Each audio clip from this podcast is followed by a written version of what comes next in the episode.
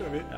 Nu är vi här igen Ja. och eh, sen sist vi såg så har vi varit på ett event. Eh, vi brukar ju vara på det. Men den här gången var det ett speciellt event. Det var vårt eget event som vi höll uppe i Stockholm och det handlade om att digitalisera och bli en vinnare.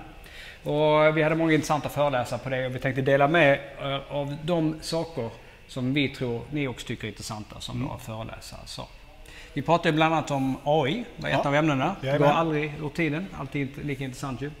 Eh, Brandon Jones från IBM var där och talade. Mm. Vad, hade du någonting som fastnade från hans tal? Ja, Jag tycker det var, var en, en bra, en bra eh, föreläsning, bra föredrag av, av Brandon. Och också en liten annan take på det här med AI som jag tyckte var väldigt intressant. Eh, Därför att man pratar väldigt ofta om vad man kan göra med AI och möjligheterna med AI. Eh, Och det Brandon fokuserade mer på var egentligen att eh, det är en större organisatorisk fråga än vad många tror.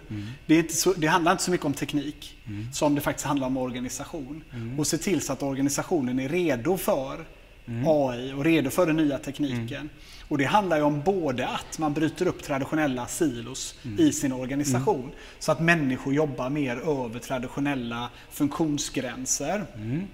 Men också att eh, han presenterade resultatet av en studie med där man visade att, att ledningen i, i, i många företag och bolag har en, en liten övertro kring AI och vad AI kan åstadkomma. Och sätter oftast press på organisationen att men vi, måste, vi måste ha AI och vi måste in med AI och vi måste investera i AI. Eh, Medan då medarbetarna som ska förverkliga det här kanske inte lika mycket tror på eh, Nej, möj- det- möjligheterna och, och, och det här miraklet. Jag kanske också skjuta hål på några fördomar som man har som eh, medarbetare kanske om att det ska ersätta ens, ta över ens jobb ju. Ja. Och det har vi visat många exempel på där AI istället stärker med, eh, era medbe- medarbetare med att de får tillgång till verktyg och att de, de blir snabbare och bättre helt enkelt. Ja, det finns en liten rädsla ibland i organisationen också som givetvis kan göra att, att det finns någon form av undermedvetet motstånd. Eller medvetet motstånd lite grann där. Men här handlar det om att vara tydlig med vad är det vi ska använda AI till. Vi har pratat om det jättemånga grej, må- många gånger. Var någonstans ska det addera nytta? Så att vi som medarbetare använder våran kompetens och kunskap och emotionella förmåga till andra och viktigare kundmöten exempelvis. Då. Ja, det var en, eh, ett, eh, ett nyttigt eh, föreläsning på en lite annan nivå än Ja. vad man brukar vara van vid när det gäller. Så jätte, jättebra där. Jobba med organisationen, bryt traditionella silos.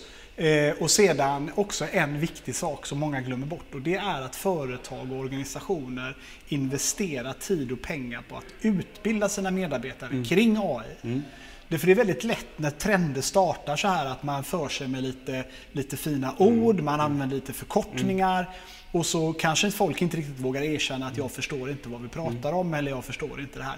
Så investera lite grann i att utbilda medarbetarna i. Vad är AI, hur fungerar det, vad, vad, hur ser möjligheterna ut, vad finns begränsningarna, vi har moraliska, etiska aspekter också som vi behöver ta hänsyn till. Så jättebra, eh, jättebra delar som Brandon delar med sig av där. Vi hade också eh, en föreläsare, Rickard Jans, som är en kollega till oss, som pratade om att man, med AI ska man fokusera mycket på processer istället för att kanske försöka hitta de här enkla, eh, använda AI till enkla lösningar som FAQ och sånt, vilket är lite overkill om man ska investera i en AI-plattform. Se på de processer som är, kan göra, där det kan göra mest nytta, lite mer avancerade och koppla in AI på dem. Just det. Att man kanske jobbar med self-service-funktioner, man fyller i formulär, ansökningar om det är en myndighet Ja. till exempel och att botten är där och stöttar Ja. istället. Ja, för det är många, fråga, många, många gånger så får vi fråga, "Ja, vi vill ha en AI, säger de, vi har AI-bot. Varför det? Ja, men vi vill kunna svara, ta hand om eh, FAQ-frågor och sånt. Ja, men det kanske det finns andra system för att, för att ta hand om det. Kanske inte behöver investera i en tung post som AI-teknologi. Har man, gör, gör man det så kan man ju få en, använda det också till FAQ, men oftast så behö, behövs ju inte de kanonerna Nej. till, till det. och är det FAQ-frågor så kan man ju många gånger kanske jobba med sitt Google Search Ja. och faktiskt Ja. få ett lika bra resultat eftersom det är där många kunder söker information initialt. Vi behandlar, behandlar i några av våra tidigare avsnitt också. Så det. Så väldigt, väldigt bra. Ja. Eh, vad jag också tyckte var väldigt intressant var eh, Claes Olsson, som vi har, vi har ett samarbete med dem sedan flera år tillbaka. Ja. Men här var en eh, föreläsning om deras övergång då från att vara en eh, traditionell eh, handlare, en väldigt stor sådan i och för sig, men att deras, hur de anpassar sig eh, sina säljkanaler och eh, anpassa sig till sina kunders förändrade beteende. Det var Viktor Steka som höll i, mm. höll i det här då och det var en eh, mindblowing tyckte jag. Ja, det var jätte, jättebra mm. för, föredrag, oerhört spännande och uppskattat också.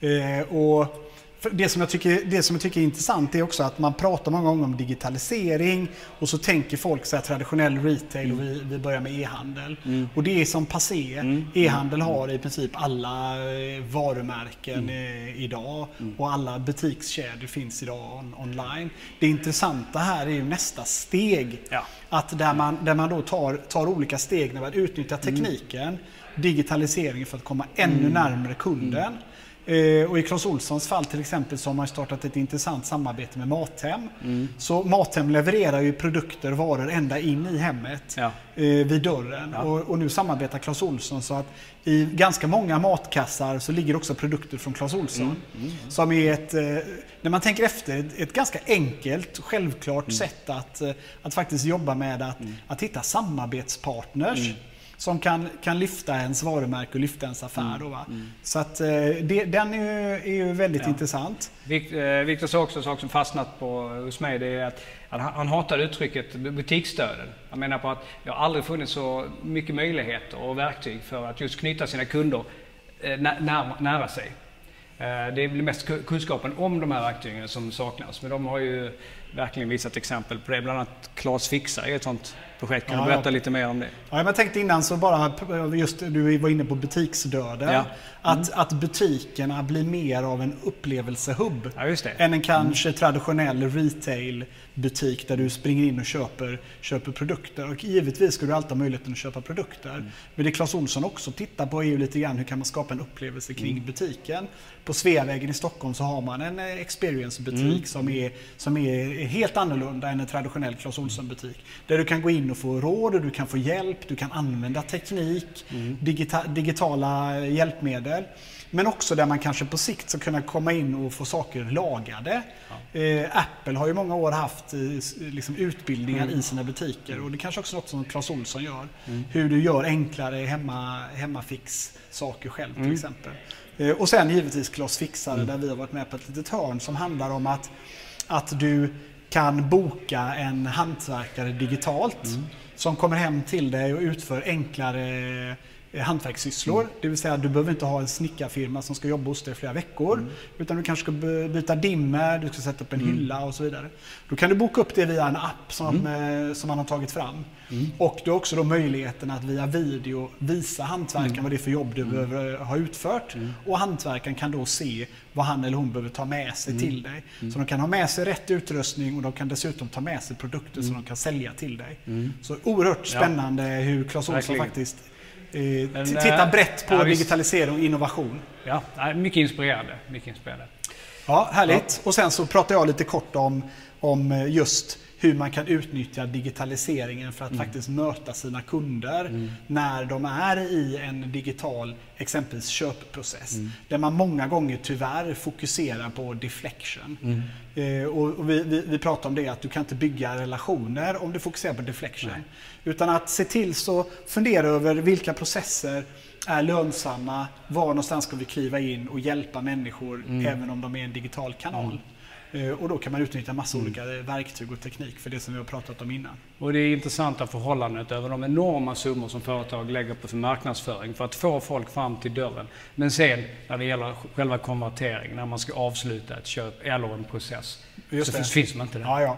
Man sa, det, var, det var en studie som visade ja. att man la ungefär 92 dollar ja. på att attrahera kunder till, till sig, men bara en dollar på att få till konverteringen. Ja. Och många företag jobbar med konverteringen och väldigt få företag är nöjda med konverteringen.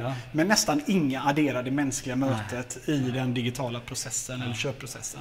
Så att eh, vi har skällt på, vi har skällt på företag förut och vi kommer fortsätta göra det ända tills poletten trillar ner. Ja, verkligen. Mm. Och om ni tycker det här verkar intressant det här vi pratar om nu så kommer det Eh, länk längre ner senare så kommer vi skicka ut till er där ni kan se på de här föredragen och vi har klippt ihop dem. Mm. Uh, fram till dess så får ni ha en fortsatt trevlig vår som snart blir sommar här. Just det. Så, så ses vi så fort vi kan igen. Det gör vi. Okay, ha, ha det så gott. Hej. Hej.